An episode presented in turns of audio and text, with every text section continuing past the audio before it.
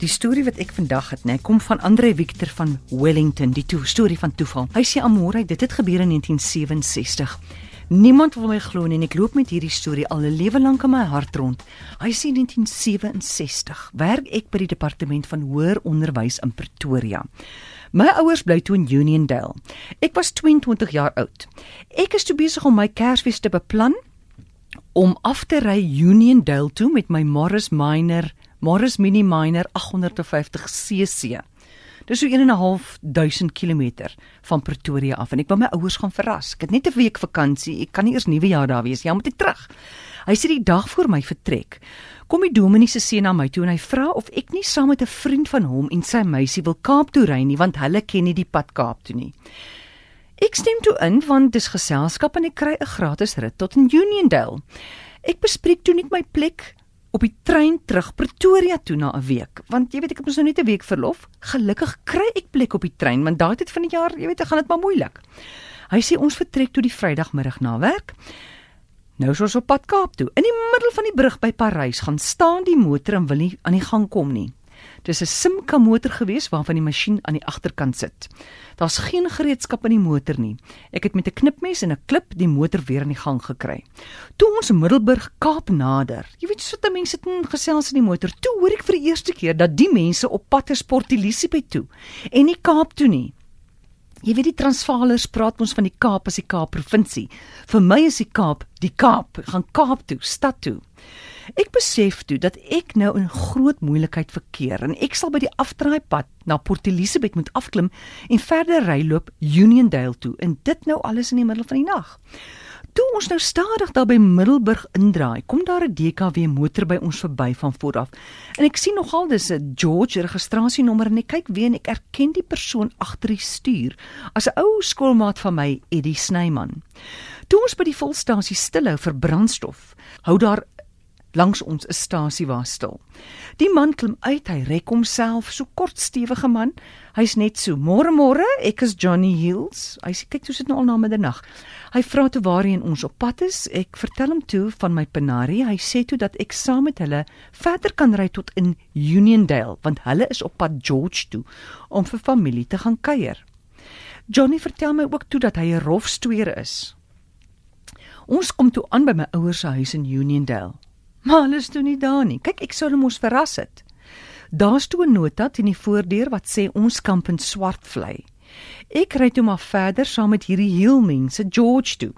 Ek vra toe vir die oom by wie gaan hulle kuier op George. Hy sê hulle gaan kuier by die Snyman mense. Ek vra toe of dit nie dalk Eddie Snyman is nie. Ja, sê hy. Ek sê toe maar dis nou toevallig want ek en Eddie was saam in die hoërskool op Oudtshoorn en hy het vroeër net voor Middelburg verby ons gery. Ek ry toe saam met hulle in tot in George en wys hulle presies waar die Snymans bly. Toe moet ek 'n plan maak om in Swartvlei uitkom te kom by my ouers. Ek neem my tas en stap af in Yorkstraat. Langs my hou 'n oom stil en vra Boet, "Waarheen is jy op pad?" Nou moet jy onthou dis 1967. Ek sê Swartvlei oom, hy sê klim in. Ek is op pad om by 'n slaghuis in Wildernis te gaan wors koop. Hulle wors is baie lekker. Ek ry toe saam en klim langs die hoofpad by Wildernis af. Dis nou half 9 die oggend. Jong en ek sien hoe die branders by Wildernis uitrol. Ek kry dadelik die seeryk. So naby, maar tog so ver. Daar hou weer 'n motor by my stil. Dis 'n opgewarmde Mini Cooper 1200 cc. Waarheen is jy op pad? Kom die vraag. Swartvlei toe meneer. Klim Boeta. Ek is haastig. Ek wil nou in Port Elizabeth wees. Jong man, hy man trek weg met 'n spoed dat ek nou nog rekmerke het.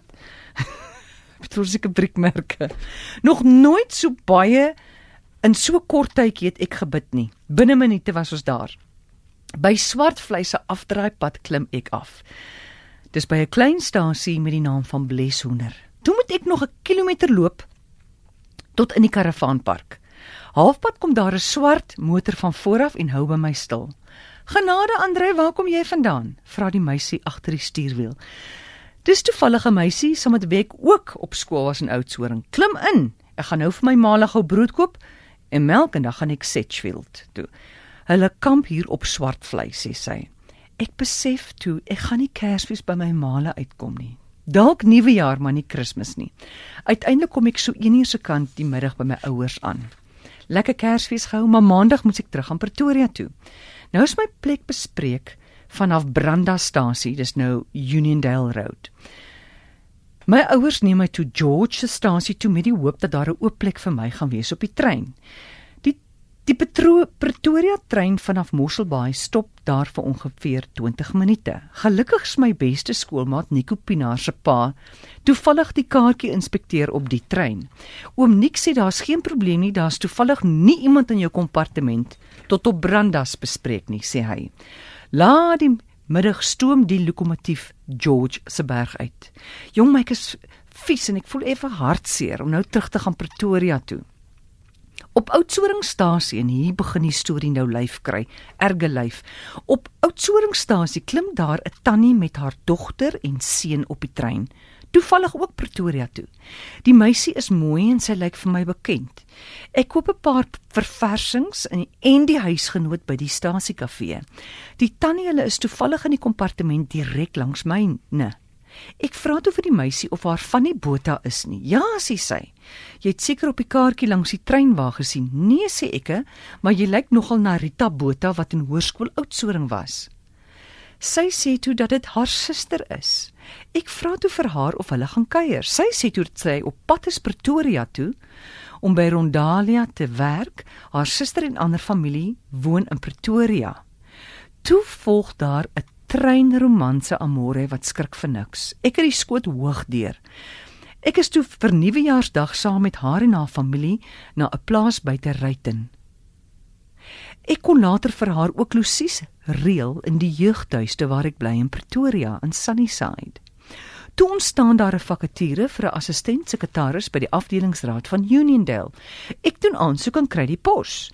Toe moes ek die liefde van my lewe in Pretoria agterlaat. Na 3 maande ontstaan daar toevallige vakature as sekretaresse by die hoërskool Langenhoven op Oudtshoorn waar ek studeer het oor handelsskool. Ek laat haar weet om aansoek te doen. Sy kry die pos en kom terug Oudtshoorn toe. Haar ouers het net naby die Kango grotte geboer. Na 1 jaar raak ons verloof.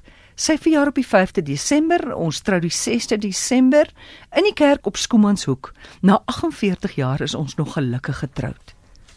Toevallig? Weet hom nie.